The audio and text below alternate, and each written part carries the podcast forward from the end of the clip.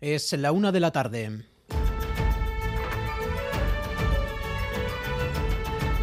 Crónica de Euskadi con Imanol Manterola.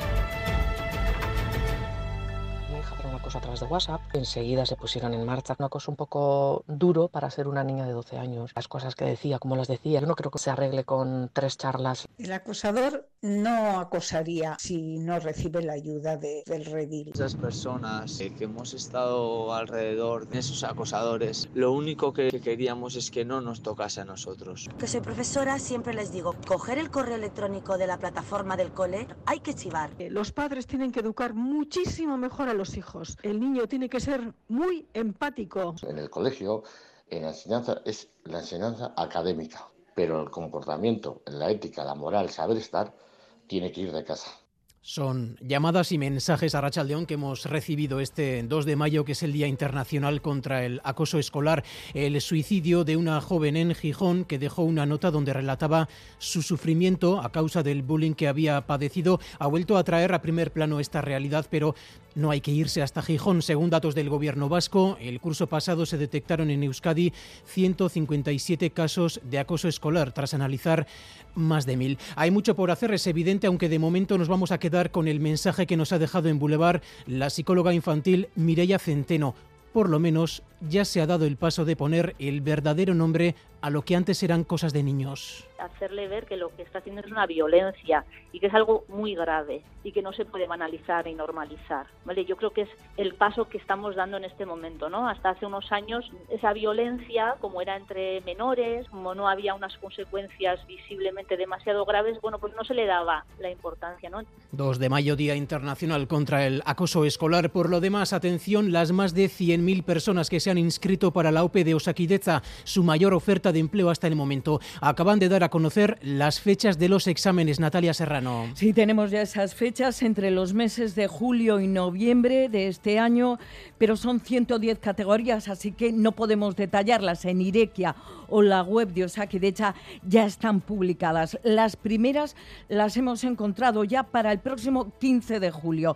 Dada la oferta de plazas, 7.639, el número de personas inscritas, más de 100.000, se van a realizar en grandes recintos. UPV de Vitoria-Gasteiz y BEC de Baracaldo.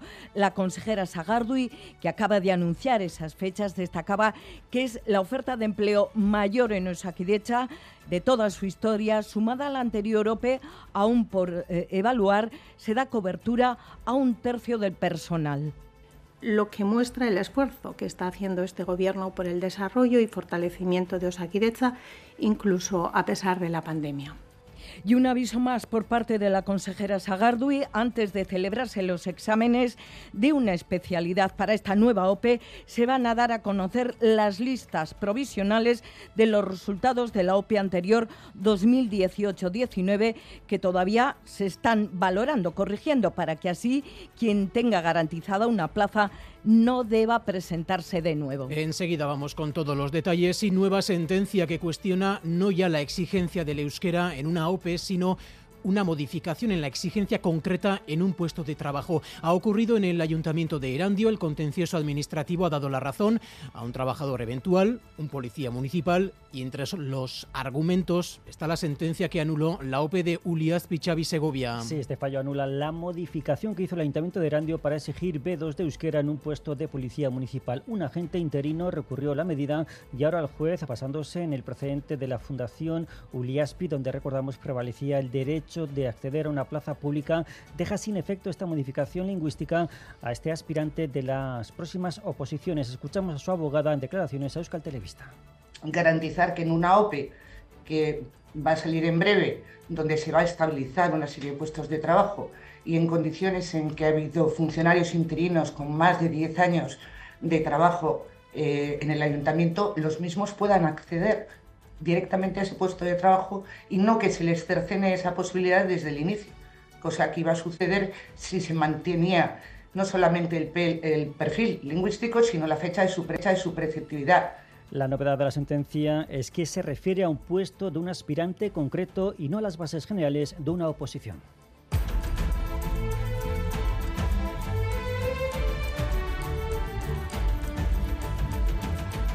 Abril de 2011, lugar Parlamento Vasco, habla la exalcaldesa de las Artes, Ana Urchueguía. La cooperación hecha en Somoto ha sido eficaz por el control exhaustivo. De eso que no les quede la menor duda.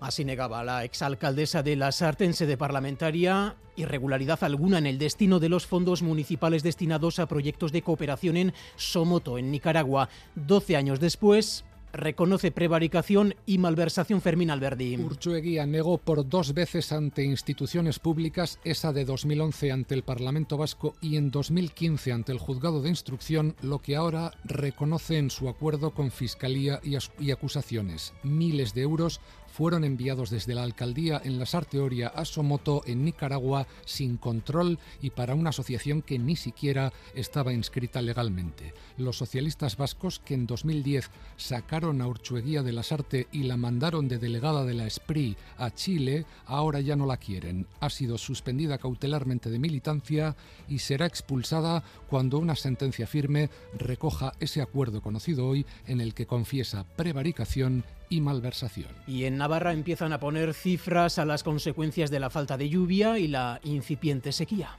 En el caso de los cultivos de secano, sí que podemos constatar ya una afección de 40.000 hectáreas. Son los cultivos herbáceos de secano de las comarcas agrarias Ribera del Taragón y Ribera Baja y parte de la zona media las más castigadas. En el resto de las comarcas agrarias, la situación de los cultivos y de los pastos de momento es aceptable.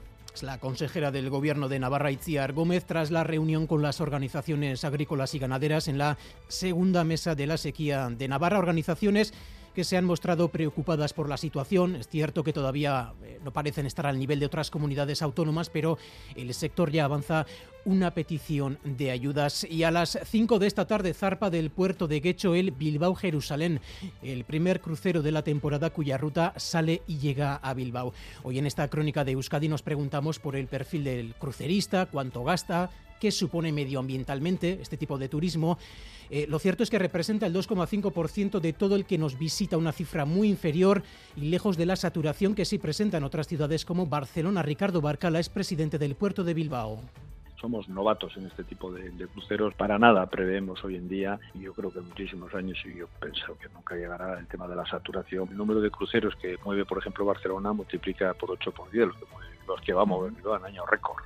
Y en página cultural, Beñat Garayo se hace con el Eusko Ikaskuntza Laboral Gaztea Saria con un proyecto lingüístico que pretende tener puentes entre el euskera y el maorí. En concreto, el joven gasteiztarra pretende analizar similitudes y posibles puntos de sinergia entre los idiomas de Euskal Herria y Nueva Zelanda, ambos en proceso de revitalización. Garayo, que trabajará in situ con instituciones neozelandesas, comenzando por la Universidad de Auckland, nos explica cuál es el nombre de su proyecto y los grandes ejes de su investigación.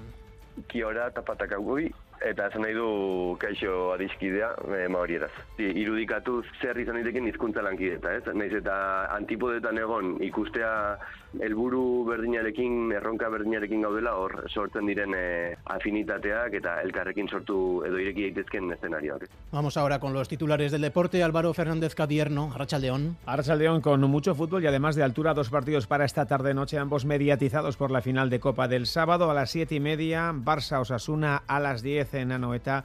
Real Sociedad Real Madrid. Por su parte, el Athletic se trae un importante empate de Mallorca. Pésimo partido de los Leones, pero un muy buen punto. Cielos azules y ambiente completamente primaveral, así seguiremos durante las próximas horas también con temperaturas que superarán los 20 grados en todos los puntos del país.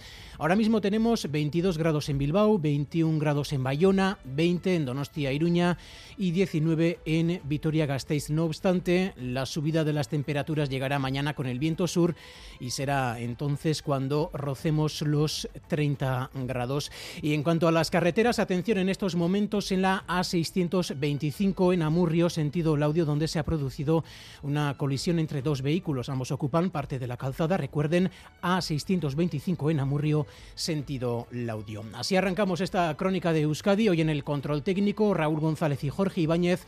Aitziber Bilbao en la coordinación. Crónica de Euskadi con Imanol Manterola.